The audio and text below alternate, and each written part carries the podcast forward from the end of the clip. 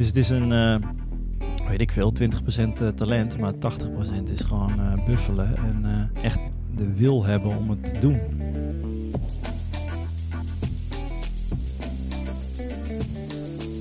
Je luistert naar de Pegel-podcast van Villa Media. We gaan op bezoek bij freelance journalisten met onze mobiele studio. We vragen hoe freelancers ruimte maken voor journalistiek die ze echt belangrijk vinden. En hoe ze ondertussen het hoofd boven water houden.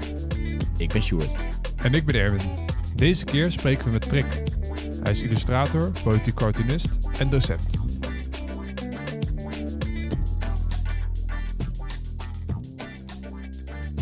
Waar zitten we nu? We zitten nu in eh, een eh, studio- en ateliercomplex in Haarlem. Het heet Nieuwe Vide. Het zit op eh, het energieterrein. En eh, hier zit ook de lichtfabriek, waar dingen, allerlei tv-dingen worden opgenomen. Dus het is een beetje een eh, aan, la aan lage wal geraakt uh, Westergasfabriekterrein. Wat nog opgeknapt moet worden, zeg maar. Zo moet je het zien. Ja, we zitten nu in een soort uh, klusruimte. Ik zie een, uh, ik zie een uh, ladder en ik, de muren kunnen nog wel een likje verf gebruiken. Ja. Want we kwamen binnen en toen werden we begroet door een, wat was het? Een herriemachine. Ja. een aggregator en een doodskop ja, met Jullie hebben echt een perfecte dag uitgekozen. dat ze hier de rioleringen aan het vervangen zijn. Het is één grote puinzooi, dus echt top. Ja, Ideaal voor een podcast. Want we hebben van tevoren nog even naar jouw kantoor gekeken. Ja. En dat noemde jij eerder aan de telefoon al jouw, jouw brein. Ja. Over, overal illustraties. Ja, en verzamelingen. Ja, ik ben echt... Uh, ik kan niks weggooien. En ja, ik eh, vintage dingen, dan niet zeg maar dure zooi, maar liever uh, gevonden op straat, bordjes en waarschuwingstekens en, en dat soort dingen. Het, uh, en oud speelgoed, veel uh, nostalgie, zeg maar, dingen uit mijn jeugd. Als ik een oude Pipo de Clown pop in verpakking, dan en dan het liefst dat ik er maar een euro ergens voor me hoef te betalen, dan uh, ja, dat vind ik allemaal prachtig. Dus het hangt helemaal vol. Ik kan ook niet meer mee stoppen. Ja. En het is precies tegenovergestelde van thuis, want daar heb ik echt bijna niks. Oh, daar is het helemaal clean. Daar is helemaal clean. Niet door mij, hoor, maar door mijn uh, gezin. Hè. Die zeggen van, neem dat maar lekker mee naar je studio. Mm. ga, daar, ga daar maar lekker horen. Ja, dus het is wel... Uh, ik moet wel af en toe mezelf even tot de orde roepen en dan weer uh, opruimen. Mm. Maar ja, het is gewoon uh, wel de plek waar ik alles doe. Dus waar ik ook schilder en schilderijen maak en ja, van alles en nog wat. Dus ik moet gewoon, uh, het moet gewoon daar allemaal gebeuren. Dus, uh, en ik laat me wel echt inspireren door al die beelden die om me heen zijn. Want die, heel veel dingen die er hangen, die zie je ook terugkomen in mijn uh, illustraties. Kijk, want je werkt als illustrator, maar volgens mij doe je nog veel meer dan dat. Wat, wat doe je allemaal? Hoe, hoe ziet je week eruit? Ja, ja ik, ben, ik ben illustrator, cartoonist, politiek cartoonist docent illustratie aan de kunstacademie uh, in Artes, Zwolle. Illustration Design heet die afdeling. Um, ik ben nu ook weer een expositie aan het organiseren hier. Ik geef workshops. Ik doe ook gewoon vormgeving en design. Voor de gemeente Haarlem uh, zit ik ook in allerlei opdrachten, ben ik daarin verwikkeld. Dus dat is meer ja, communicatie en designachtige zaken. Dus het is eigenlijk heel divers. Ja, want wij hebben voor de podcast hebben we met documentairemakers gezeten, met schrijvend journalisten, met radiomakers, noem maar op. Mhm. Mm -hmm. Maar nog niet met een illustrator. Nee. En we wilden eigenlijk vooral ten eerste aan jou vragen hoe het is om illustrator te zijn. En Mhm. mm -hmm. dan in het bijzonder, omdat het natuurlijk over journalistiek gaat, deze podcast, hoe het is om politiek geëngageerd illustrator te zijn. Want dan wil je natuurlijk jouw boodschap kwijt bij opdrachtgevers. Ja. ja. Wanneer ben je daarmee begonnen? En waarom ben je eigenlijk ja, zo ja, politiek geëngageerd. Ja, het is niet een, zeg maar, van de ene op de andere dag van dat ga ik eens doen of zo. De, het is echt, ik weet niet, dat zit er gewoon in. Hmm. En ik denk dat dat bij veel uh, politiek cartoonisten zo is, of eigenlijk, naar mijn mening, hoort te zijn. Dat, dat zit gewoon in je en dan je wil gewoon uh, daar tekeningen maken. Hè? Dus tekeningen over dingen die gebeuren. En bij mij is het ook van, ja, dat je er zo over verbaast. En uh, je kan, ja, eigenlijk ben je natuurlijk machteloos, iedereen. Maar dat je daar toch je op een of andere manier daardoor de controle over krijgt. Doordat je dan daar je zegje over doet. En dan verandert natuurlijk niks, want zo uh, ik ben niet naïef daarin. Maar gewoon het feit dat je dan even tenminste de vinger op de zere plek hebt kunnen leggen. Dat, uh, ja, ik heb dat gewoon nodig. En, en ja, waar het vandaan komt, dat, dat was natuurlijk je vraag. Want ik dwaal weer enorm af. Um, ja, ik weet niet, ik ben gewoon sociaal opgevoed. Ik weet niet of dat Gewoon met, eh, dat je een beetje aan elkaar denkt, dat soort dingen. Niet zozeer politiek bewust of zo. Ik heb al helemaal geen politieke geschiedenis in mijn, in mijn familie. Maar ehm, en op de kunstacademie in eh, Zwolle, of dat was Kampen toen nog, die heb ik ook eh, gedaan en gevolgd. En, en daar ontstond gewoon die behoefte om iets te doen met actualiteit en dingen die er gebeuren. En in de basis ben ik ook niet een supergoeie tekenaar, maar ik denk gewoon in concepten. En dan is ehm, eh, zeg maar nieuws combineren met hele simpele beelden, dat is echt perfect. En dat zo is een beetje mijn stijl ook ontstaan. Dus ik eh, begon op de kunstacademie en ging ik eh, verkeersborden naschilderen. Bij een vrije opdracht, mocht je zelf schilderij maken. ging ik een verkeersbord naschilderen. En dus toen kwam ik in de les en toen zei die docent, ja, wat moet hier nou mee? Ik zei, ja, ik vind het gewoon mooie vormen, van die hele strakke, embleemachtige... Hij zei, ja, maar als je, je moet er iets mee doen. En ik zat al van, ja. En dat was in de tijd van de Kosovo-situatie, dus Joegoslavië-oorlog. En uh, toen ging dat zeg maar combineren. Dus uh, bijvoorbeeld een vlam, zo'n zo'n uh, radioactieve, zo'n zo'n vlam van brandbaar, weet je wel, zo'n waarschuwingsteken. Nou, dat is op zich niks, maar als je daar gewoon een woord onder zet, in dit geval dus Kosovo, dan wordt het opeens een brandhaard, weet je wel. En zo kan je gewoon een verhaal vertellen door puur even wat inhoud toe te voegen aan een simpel beeld. Nou, dat was voor mij echt een openbaring, zeg maar. Dus toen toen ging het een beetje lopen in mijn hoofd. En nou, daar heb ik toen een hele serie van gemaakt. En daarmee ben ik afgestudeerd. En daar is de basis een beetje gelegd voor. Uh... En wanneer is het uh, professioneel geworden? Nou, ik, zei, dat, ik ben in 2000 afgestudeerd. En toen, vanaf dat punt, zie ik wel dat ik ook begonnen ben. Kijk, in de eerste paar jaar is het dan uh, schrapen natuurlijk. En ik heb de eerste vijf jaar had ik een schoonmaakbaantje, drie, drie ochtenden in de week. En dat heb ik gewoon langzaam afgebouwd. En toen ben ik begonnen als uh, cartoonist van een obscuur links uh, krantje in Amsterdam. Via via, een schoonmoeder van de zus van een vriend, weet je wel, zoiets. En daar kreeg ik gewoon carte blanche. Dus dat was natuurlijk te gek. Niemand zag dat, maar ik kon wel echt supergoed daarin oefenen van hoe werkt dat. En ik, ja, ja, meters maken. Ja, ik kon echt meters maken. En toen heb ik dat, ik denk een jaar of zo gedaan, of twee. Met, met dat werk kon ik toen weer de hoort op. En weer via via kende iemand uh, een uh, art director bij uh, de Gelderlander. En die hadden ergens een pot geld gevonden om elke dag een cartoonist te plaatsen. Nou, dat doet echt geen enkele krant. En nou, die gaf mij de kans. En toen stond ik opeens tussen Peter Verstraten en Len Munnik en Stefan Verwij. Dus dat zijn de, de old boys, zeg maar, ja, in de ja. scene. Dus ik was super moment. trots, ja. Mm. En uh, toen werkte ik nog onder mijn echte naam, maar uh, toen, uh, daar heb ik ook weer een jaar lang meters gemaakt. En weer mijn portfolio verder aangevuld. En toen werd ik daar uitgekikt, want het geld, geld was op en ik ging natuurlijk als eerste uit als de onbekende. Um, en toen dacht ik, waar zou ik eigenlijk het liefst nu willen werken? En toen kwam Nieuwe Revue in mijn hoofd. Mm. Stoute schoenen aangetrokken en met veel gedoe daar binnen gewandeld toen. En hoeveel jaar is er overheen gegaan? Je, Voordat ik daar was? Voordat je daar was, vanaf je studie? Uh, nou, vier jaar denk ik, ja. Okay. In 2000 afgestudeerd. Ik denk in 2003 zat ik nog bij de Gelderlanden. 2004 ben ik volgens mij begonnen bij een Nieuwe Revue. Nou, dat klinkt als behoorlijk buffelen, ook met schoonmaken erbij. Ja, Zo, ja, was dat- dat, een normale manier om, ehm, om te beginnen als illustrator? Deden jouw, jouw Uh, ja, dat is mijn ervaring wel, ja. dat ook, bijvoorbeeld? Wat zei je? Deden jouw oud-studiegenoten dat ook bijvoorbeeld? Was dat Ja. gewoon de manier waarop je het aanpakte? Ja, iedereen, ik ken echt niemand die, nou misschien, nee ja, en mijn ja sowieso niet. Iedereen doet gewoon wat erbij. Dus je moet echt, eh, ja, gewoon de klassieke dingen. Ook nog een paar die, weet je wel, eh, medicijn testen. en dan daar, en dan daar je geld mee eh, verdienen. En dan kon je weer een maand tekenen, want dan krijg je daar 1000 euro voor. Ja, ook Ja, dat je vingers niet ziekenhuis, zelf zwellen. of Ja, ja, ja, nee, ja, dat is wel een extreem bijbaantje, maar Mm. nee, iedereen doet er gewoon wat bij. En dat is eigenlijk wat ik, wat ik al zeg. Ik geef les op de academie. Wat ik ook meteen aangeef aan mijn eh, eerstejaars studenten. Eh, denk niet één dat er mensen op je zitten te wachten. Concurrentie is echt eh, moordend in Nederland. Er zijn echt heel veel illustratoren.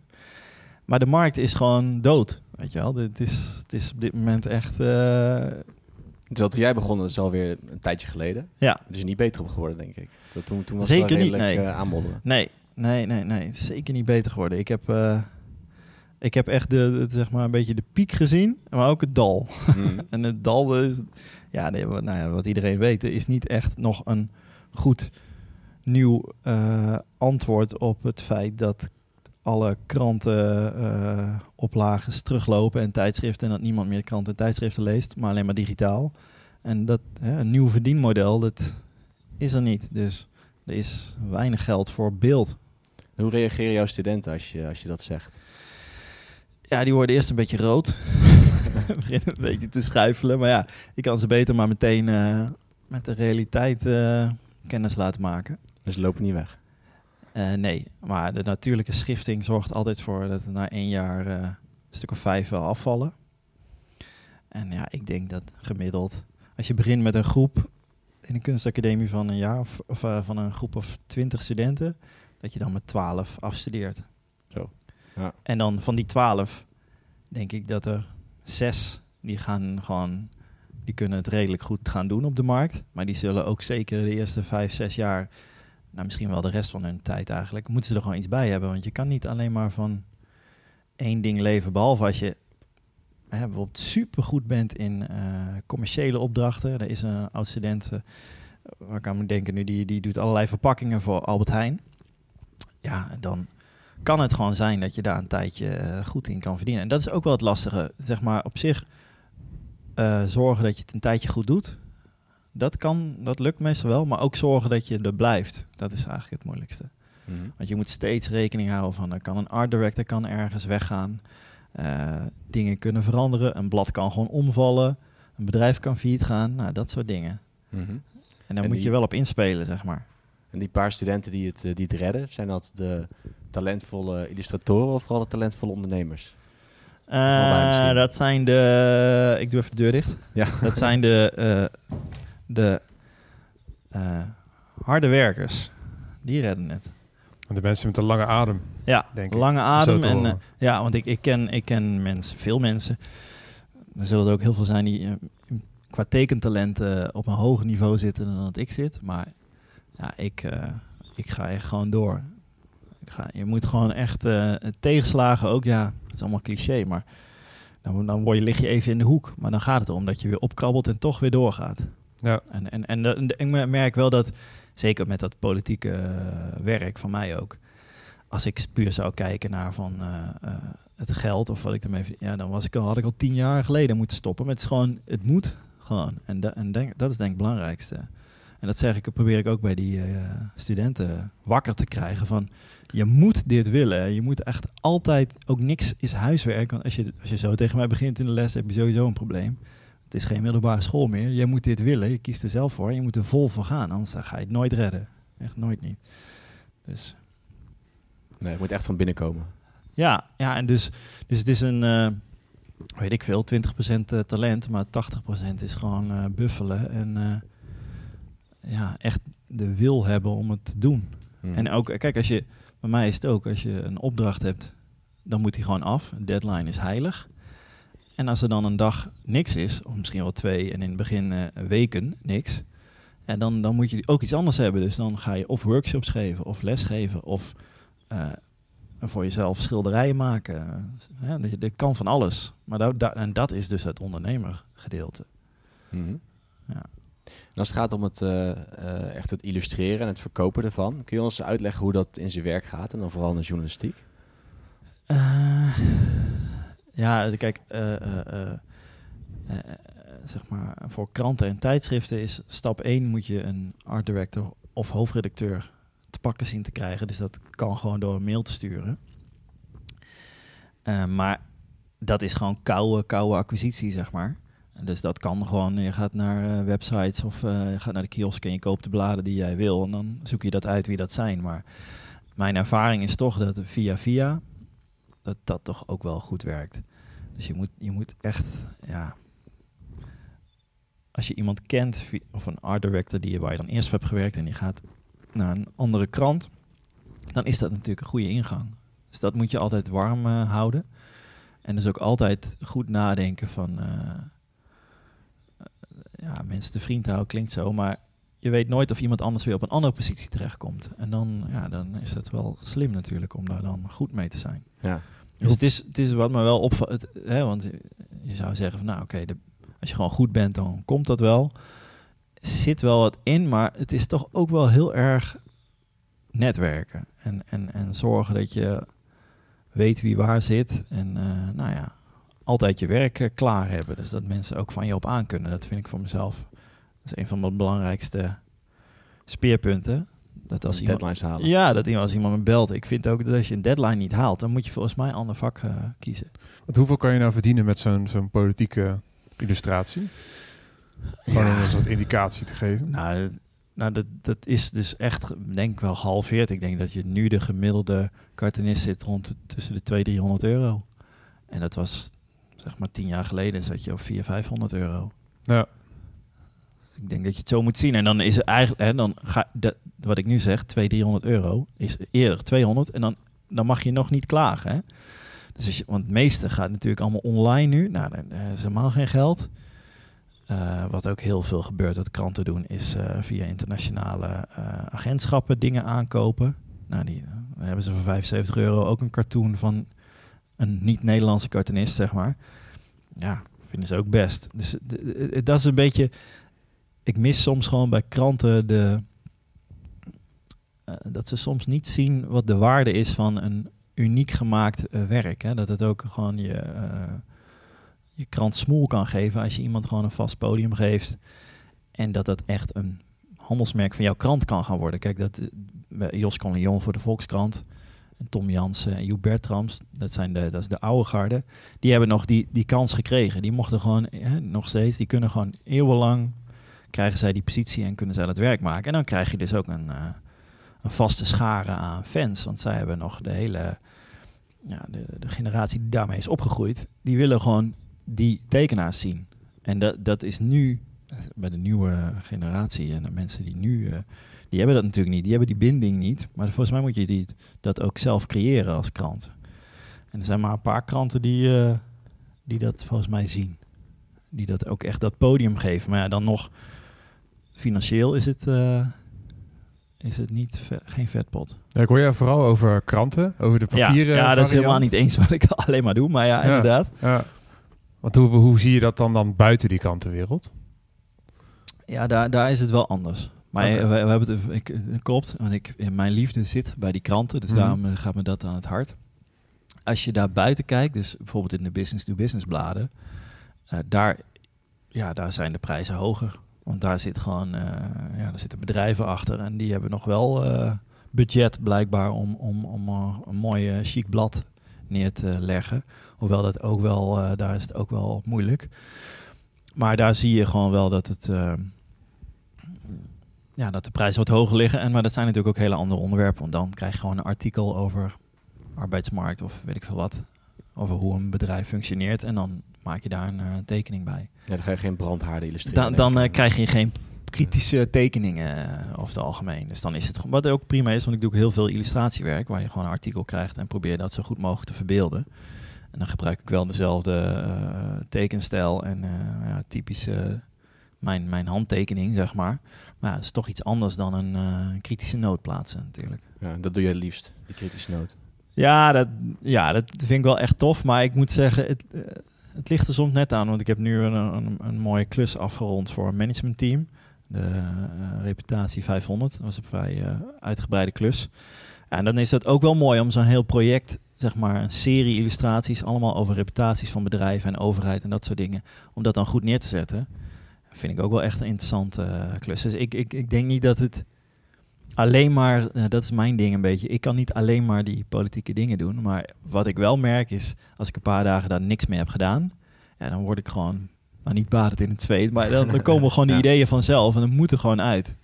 En dan, eh, dan schets ik dat snel. En dan, als ik dan tijd heb tussen de bedrijven door, dan gaat toch nog even snel een politieke cartoon. Het klinkt alsof jij een heel realistisch beeld hebt van hoe de arbeidsmarkt op ja. dit moment eruit ziet. Ja.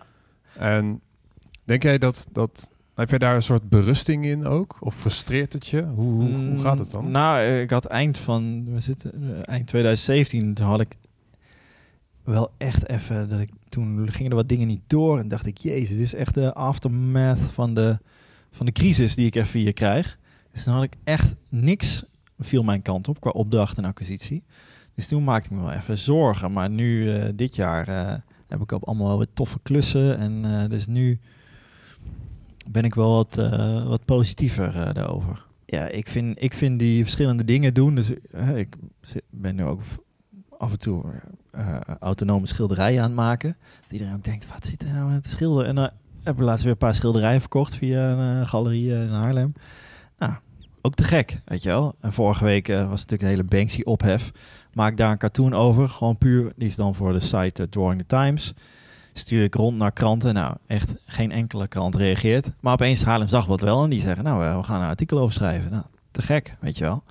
Dus die, die Je hebt een artikel geschreven naar aanleiding van jouw cartoon. Ja, nou, ja, ik had een Banksy-kritiek, zeg maar. En er was toevallig ook een andere kunstenaar in Haarlem. Die had er ook iets mee gedaan. Wisten wij niet van elkaar, we kennen elkaar wel.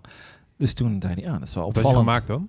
Ik had eh, een soort omgekeerde versie gemaakt. Eh, dus een van bovenaf komende snippers van het Banksy-schilderij. Die zakken in het schilderij en dat worden eh, Engelse ponden. Ah, kijk. Ah, kijk. Zo van, ja, weet je, alsof het een kritiek is op de kunstwereld, dat het zoveel opbrengt. Dat is het, maar puntje bepaaltje, dat wist iedereen al van tevoren. Dat ding wordt natuurlijk vijf keer zoveel waard. Want als je dat aan je muur hebt hangen, die, hè, die geswedderde Banksy, dat is natuurlijk helemaal uniek. Dus ja, je kan wel kritiek hebben op de kunstwereld, maar Is dat dan toch weer dat, dat netwerk of zo- van jou? Dat, dat, dat je zo'n illustratie maakt en dat die dan opgepikt wordt door een krant? Ja, Of maar ik ben daar niet eens, want ik ben nog wel oldschool, denk ik. Dus ik mail het rond. Terwijl ja, eigenlijk, ik zet het ook al op Instagram. Maar ik merk wel nu al dat mijn studenten daar nog slimmer mee eh, omgaan dan ik. Daar kan ik nog wel wat winnen, denk ik. Mhm. Eh, maar ja, inderdaad, je moet, het moet wel gezien worden. En wordt- ik heb nu wel een soort... Ja, natuurlijk heb je heel, heel netwerk opgebouwd. Dus als ik iets heb gemaakt, een eh, politieke cartoon, dan stuur ik die rond. Maar wat ik als zeg, het moet een krant moet echt net maar uitkomen dat iemand denkt van, hey, tof, daar kunnen we iets mee doen. Dus de art director moet net denken, goh, we moeten eigenlijk eh, een cartoon hebben over eh, die burgemeester in Haarlem die eh, bedreigd wordt. En dat ik plop, hey, Trick heeft iets over gemaakt. Ah, dat is tof, hoeven we niet iemand in te huren. Kloink. Je moet ook een beetje mazzel hebben. Ja, er net, dat is echt eh, mazzel hebben. is, ja. En, en, eh, ah, en mijn enige valkuil, maar kan niet anders, want is dat zeker die eh, politieke cartoons die zijn nou, vrij recht voor zijn raap en binden, er, winden er geen doekjes om, zeg maar. En dat is niet wat elke krant, wat ik ook wel snap vanuit hun insteek, of dat past dan gewoon niet bij de krant, zeg maar. Dat, dat vinden ze dan te hard of te, te in your face. Mhm. Dat, dat, dat kan. Ma- maak jij die, eh, eh, die illustraties echt in jouw eigen stijl? Of denk je ook wel eens na van, nou, ik ga het zo maken dat het bij die en die doelgroep past van Nee. die krant of van het blad? Of... Mm, nee, want dat, dat werkt eigenlijk niet. Nee, dan, dan, dan, dan eh, wordt het geen trick. Maar het is wel grappig, want soms doe ik juist heel erg iets met foto's. Of heel strak. Of, maar dat ligt maar net, dat ligt echt maar aan het idee. Het is niet dat ik dat van tevoren bedenk van, ga nu heel erg zo doen. Mhm. Het, de schets bepaalt eigenlijk van eh, hoe, hoe ik het ga uitwerken. Kijk, dus het komt wel echt vanuit jou. Want ik weet dat veel schrijvend journalisten zich ehm, Mhm. wel vaak aanpassen aan een bepaald blad bijvoorbeeld. Van, nou, Ja. die, die toon pakken of zo. Of die Nou, ik, ik, ik werk nu eh, voor eh, FD en ook voor het AD. En daar zie je wel een verschil. De FD die, die laten mij wel vrij in. Die, daar heb ik nu een cartoon over eh, meer eh, toekomstgericht en technologie. En dan mag ik wel gewoon wat ingewikkelder mijn werk doen. En bij het AD, als ik daar wel eens eh, wat maak, dan zijn ze toch willen ze dan nog even doorvragen van kan iets simpeler of hè, dus dan dat ik denk van nou volgens mij begrijpen ze het heus wel, Hm. maar dat zij daar wel wat voorzichtiger in zijn. En dat ze denken van nou Moet je wat toegankelijker of ja, Ja. ik dan ja voor mij is het vrij helder, maar dat dat is natuurlijk een dat is ook een smaakding. Mijn dingen zijn aan de ene kant wel heel helder qua beeld, maar je moet wel nadenken. En ja, dat, daar moet je dus. Dat is soms, dat is misschien mijn eh, valkuil. Dat ik eh, niet. Ik kan geen flauwe grapjes. Ja, soms wel. Maar, maar echte, weet je wel, echte dijenkletsers. Ja, dat, dat, dat maak ik niet. Mhm. Nee, nee. En dat is toch wel. Kranten willen soms gewoon. eh, ja, niet te moeilijk. Moet gewoon eh, meteen helder zijn. Mhm. Terwijl ik het leuk vind als mensen nog even zelf nadenken. Ja, dat, Ja, ik vind het wel mooi om te horen dat jij in het hele verhaal, want jij je combineert allerlei werkzaamheden met Ja. elkaar. En eh, in, in de kern daarvan zit, ik ga geen concessies doen wat mijn illustraties betreft. Dus we geen grote concessies. Klopt dat? Nee, geen, nee. Nou ja, dat is misschien mijn voordeel, is dat ik denk ik inmiddels wel vrij herkenbaar ben in, in mijn eh, werk. Hm. Dus dat mensen, als ze mij vragen voor iets, dan weten ze al van, nou, eh, het wordt niet een eh, gezellig getekend iets. Het wordt gewoon een heel strak en direct beeld, wat er goed uit gaat zien. En als ze een politieke cartoon van mij krijgen, ja, dan, dan kunnen ze zelf kiezen of ze die willen hebben. Dus ik heb, kijk bij ja, concessies, nee, ik zit even hard op te denken. Het ligt er gewoon echt aan wat voor klussen het zijn. Kijk, als het een eh, commerciële klus is, dan is er vaak bijvoorbeeld meer ruimte. Hè? Dan, dan, dan willen ze eerst schetsen zien en dan kan ik nog een keer Mhm. overleggen. Kijk, en dan wat ik, ik word meestal wel zagrijnig als ze zeggen, dan kan je dat nog zo doen of zo doen. Maar oké, dat hoort er dan gewoon bij. Maar goed, dat is, dan, dan kan je één ding aanpassen en dan zit je als het goed is op de juiste spoor. En dan ga je, maak je hem af. Maar als, als, als je echt twintig keer iets moet gaan veranderen, dan, heb ik, eh, dan haak ik wel af, ja. Maar laten we wel eerlijk wezen, als je, als je al de hele maand, stel, en je hebt nog geen, geen klus gehad, ja, dan moet je misschien concessies doen. Ja, het- moet eh, brood op plank. ja, we, we hadden het straks ook over eh, buiten de, deze uitzending, zeg maar. Ik geef heel veel schaduwopdrachten aan mijn studenten. En dan geef je een opdracht aan kids die net komen kijken. En dan eh, zeg ik, nou, doe, doe iets met eh, actualiteit of eh, met de politiek. Je moet iets... Ga, ga eh Nieuwsuur kijken en ik wil dat je daar een tekening over... Ja, ja dat is niet echt mijn ding, meneer. Zeg ze dan. ik echt lachen. Zeg, Ja, maar, dat je afgestudeerd bent en Ja. geld hebt, dan... ja, precies. Ja, Ik, wat hartstikke denk je? Dat, ja, je mag blij zijn dat je gewoon straks, als je na de academie überhaupt iemand je belt. Moet je voorstellen, een hardwerker jou belt en die, die wil dan iets. En dan zeg je, ja, ik weet niet, het is niet helemaal eh, mijn ding. Het voelt niet helemaal lekker. Nee, Ja. ja. volgens mij moet je... Ja, volgens mij zo werkt het gewoon niet.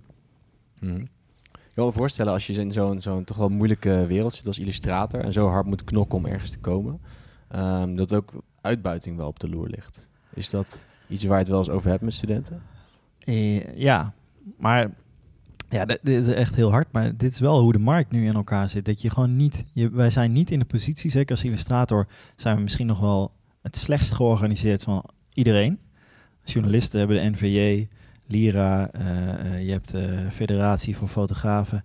Ja, we hebben eigenlijk niet, ja, we hebben de BNO, maar dat is meer ontwerpers en die staan er wel voor ons. Dus het is meer een combinatie hè, van, eh, ze zijn er wel, maar het is als illustrator, ja, je kan wel zeggen, ah, dan doe ik het niet, eh, dan bellen ze iemand anders. Dus het is, eh, ja, Wat, wat raad je dan aan? Stel een student vraagt aan jou van, joh, ik, eh, ik, wil een freelance praktijk opbouwen. Ehm, ik kan hier en hier een illustratie kwijt, maar het is zwaar onderbetaald. Maar het zou wel goed zijn voor mijn naam. Zou je, zou je het aanraden om het te doen? Of zeggen van, nee, je moet je poot stijf houden? Ja, nou dat is een eeuwige discussie. Eh, ik heb collega's eh, op de academie die zeggen: nee, je moet je poot stijf houden. En ik ben gewoon realistisch. Ja, wil jij het echt heel graag? Is het iets wat je helemaal te gek vindt? En je kan daardoor vlieguren maken. Ja, ik zou het gewoon doen.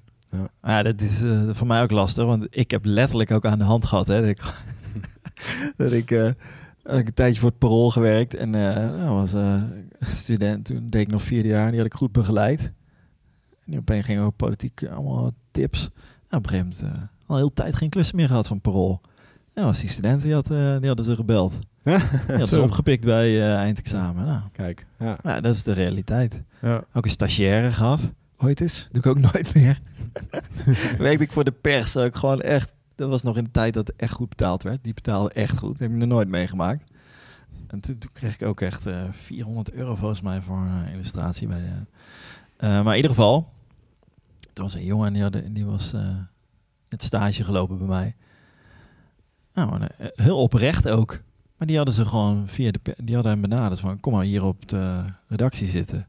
En die, moest gewoon alle illustraties een beetje gaan maken. En daar had ik ook opeens... eh, tijd hoorde ik niks meer voor. Ja, en die, eh, in verhouding kreeg die echt peanuts, natuurlijk. Maar die, maar die, ja, die, dat is nu gewoon een kennis, vriend van me. Maar die heb ik toen wel eventjes... niet apart genomen, maar wel even gezegd wat ik daarvan vond. Maar die had het echt totaal niet in de gaten. Dus het is ook een soort naïviteit. Dus je, je moet, dat is het enige. Je moet iemand wel realiteitszin bijbrengen van oké, je kan nu wel daarvoor heel weinig dat gaan doen. Dat moet je ook doen, maar je moet wel beseffen wat je aan het doen bent. Maar eigenlijk kan ik, kan je, je kan het eigenlijk zo'n student of ook zo'n, zo, ik kan je niet kwalijk nemen. Je moet die krant kwalijk nemen. Dat die blijkbaar maakt het er geen zak uit wie ze daar dan neerzetten. Dat vind ik soms wel shocking. Ja, dat je zou ik zeggen van, je wil, eh, en je, eh, denk je wel na over wat voor beeld je in je krant zet, of, of maakt het echt geen, niks uit? Is het gewoon vulling? En dat is soms een beetje wat ik, ja, dat, dat, vraag me af of daar echt lang over na wordt gedacht. eh. Ja, wat je net zei van, van de eeuwige discussie. Het, is, het gaat natuurlijk, aan de ene kant heb je passie. Mhm. Aan de andere kant moet je brood verdienen. Ja, En dan heb je ook nog eens de, de realistische situatie. Tenminste, de situatie van de arbeidsmarkt. Ja. En dat is een enorme cocktail van verschillende emoties die samenspeelt. ja, Dat ja, merken we ook bij andere geïnterviewden. ja. Dat is wat ook dan echt het zo. juist is om te doen, volgens mij is daar helemaal geen eenduidig antwoord op. Nee, is ook echt niet. Ja, ja ik echt clichés. Ik grossier erin, zeg maar. Maar het is volgens mij is het heel simpel. hoor. Ja, nee, ja, het is gewoon in de spiegel kijken. Gewoon. Als jij nog steeds in de spiegel kan kijken en het gevoel hebt van, eh, eh, ik zit nog op de goede spoor, maar dat je af en toe een beetje moet marchanderen en een beetje moet afwijken, maar uiteindelijk moet je gewoon wel weer op je, op je lijn terugkomen, zeg maar. Maar ik vind wel dat je, je hoeft niet eh, echt een romanticus, je moet gewoon realistisch zijn en praktisch. Ja, soms moet je even slikken en even doorbijten en dan kan er iets anders weer eh, voor terugkomen, zeg maar. Dus het is gewoon, je moet eh, verder denken. Waar verdien jij nou het meeste geld mee nu? Wat is nu het zwaartepunt? Ehm, nou, ik, ik, heb me, ik heb een vaste aanstelling bij de academie. En dat is, ik heb een hele kleine aanstelling, maar dat is wel belangrijk. En dan nu het FD. Dat is wel belangrijk. Ehm, ja, Villa Media. Ja, het is, het is, het- ik kan niet zeggen één hele grote. Het zijn allemaal delen en dan bij elkaar En ben je dan ook verzekerd via die eh, aanstelling, of niet? Nee, ik heb gewoon zelf een, eh, een eh, arbeidsongeschiktheidsverzekering. Kijk, Ja, ongelooflijk. We hè? hebben er weer een ja, gevonden. Ja, fucking hell. Ja, ongelooflijk. Nou, het is ook alleen maar omdat ik eh, een huis wilde kopen destijds. Mhm. Dat was nog in, dat, dat moest je toen hebben, volgens mij.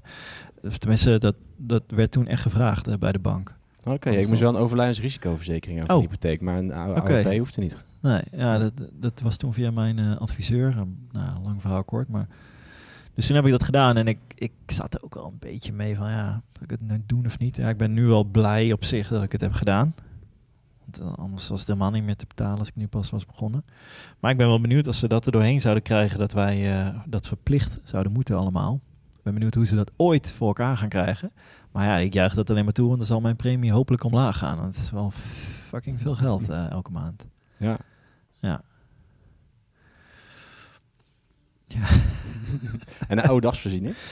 Nee, die, eh, dat, ik probeer mijn huis eh, een beetje af te lossen. En dan hoop ik dat, dat... Dat heb ik ook advies, op advies van een financieel adviseur. Die zei, ja, je, er zijn meerdere wegen die naar Rome leiden. Maar als je gewoon probeert je hypotheek zo goed mogelijk af te betalen... Hmm.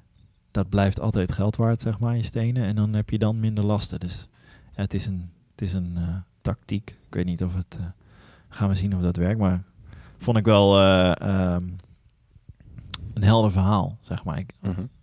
om het echt elke maand naar een pensioen... daar heb ik niet echt veel vertrouwen in. Als je ziet hoe zij omgaan met dat potje. Ja. ja, het is heel onoverzichtelijk. Ja. Ja, nou ja, goed. En eh, ze kunnen het opeens zeggen, nou, toch niet genoeg in het potje. Dus iedereen krijgt minder. Mhm. Maar ik... Dus... Ja, dus ik doe dat op die manier. Ja, om nog even terug te komen op de inhoud van je werk. Hoe, hoe zie jij de toekomst? Heb jij nog eh, grote projecten in het vooruitzicht? Heb je nog, nog dromen als illustrator? Eh, ja, ik doe op zich nu, zoals het nu allemaal gaat, ben ik heel tevreden. En de, de droom, ja, nee, als ik het zo, eh, zo blijf doen, dan eh, ben ik wel tevreden. Ik heb wel wat grote dingen die op stapel staan. Eén heel cool ding. Ja, mag ik... Mag je niks over Ja, nee, wel, wel. Nee, dat is niet zozeer. Maar over, over andere dingen die op je pad komen. Mhm. ik, ik heb eh, een design gemaakt, dat weet nog niemand, maar voor op een vliegtuig. Dus daar, wordt, daar wordt nu aan gewerkt, maar dat gaat dus een vliegtuig rondvliegen met helemaal, helemaal ontworpen door, eh, door mij. Oh, wat vet. Ja, En dat was echt, dat was dus zo'n project wat ook weer via via op mijn pad kwam. Mhm. En eh, geen, eh, geen commerciële airline hoor, dat niet. Maar gewoon een particulier iemand. Die wilde iets apart. Maar over wat dan op je... Ja, dat zijn van die dingen die komen op je pad. En, Het valt ook niet, bijna niet aan te leren. Hè? nee, Dat- ja, dat- dat, nee, behalve... Tenminste, je- het, het valt wel aan te leren dat je, die, dat je die kansen kan pakken die op je pad komen. Maar het valt Ja. niet aan te leren nee, dat, je, dat je een vliegtuigmaatschappij belt van... eh, nee, natuurlijk niet. op- Nee, ja, nee. En, en dat is ook weer zoiets... Het komt op je pad en dat is, wel, int- dat is ook nog wel een ding. Dat zeg ik ook tegen mijn studenten. Daar moet je ook nooit denk ik zeggen van ja, dat is niet echt helemaal mijn ding. Want ik had ook daarvoor dat nog nooit gedaan. En toen liep ik ook nu, ja, dan moet je heel anders gaan denken. Want een vliegtuig is wat anders dan een krant. Zeg Mhm. maar heel cliché. En ehm, ja, misschien Dan wordt, de daar kop, weer... eh, wordt de kop van het artikel. eh Ja. een vliegtuig is wel Ja. anders dan de krant.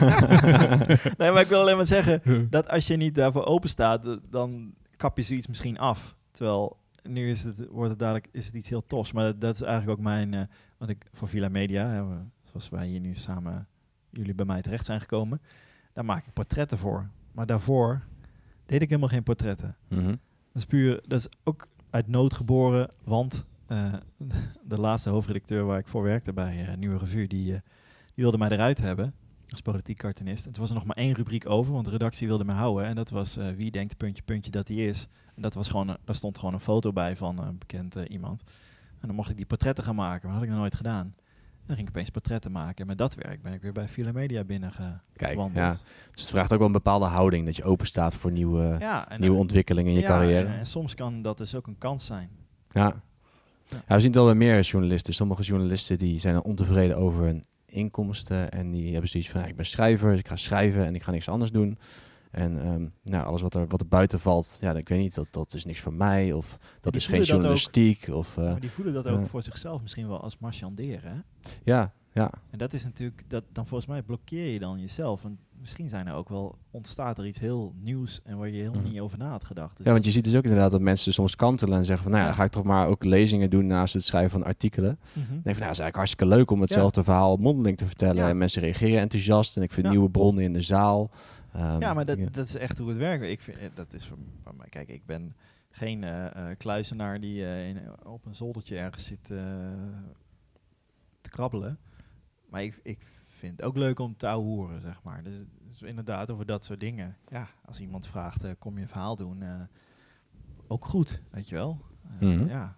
Ik denk dat het over, inderdaad, nou ja, waar, waar jij ook over zei, dat passie het belangrijkste is. Dat je- Als je ergens echt gewoon vol voor gaat, met overtuiging doet, ja, dan, dan, dan is het volgens mij oprecht. Dus dat is denk ik eh, het belangrijkste. Ja, dat, dat, dat levert volgens mij vooral die lange adem op. En daarnaast moet er ook wel een, een goede greep op de arbeidsmarkt bij zitten. Ja, Want je kan jezelf ook doodlopen als je alleen maar... Als jij bijvoorbeeld alleen maar politieke Ja, dan was over geweest. Ja, dan was het over geweest. Ja. Maar nu maak je ze nog steeds omdat je realistische keuzes hebt gemaakt. het is echt een mix van, van alles en nog wat. En gewoon volhouden en door, eh, als een diesel door, eh, Doorbuffelen. doorbuffelen. Kijk. Lijkt me een mooi einde van deze ja, podcast. we hebben nu de echte, de echte kop te pakken. hoor. Precies. als, een- als een diesel doorbuffelen. Nee, heel erg bedankt dat eh, langs... eh, Dankjewel Ja. voor je verhaal. Ja, dankjewel jongens. Je luisterde naar de Pegel Podcast. Deze podcast wordt mogelijk gemaakt door het Lira Auteursfonds Reprorecht. Ben of ken jij een freelance journalist met een goed verhaal? Stuur een mailtje naar pegel.vilamedia.nl Bedankt voor het luisteren en tot de volgende aflevering.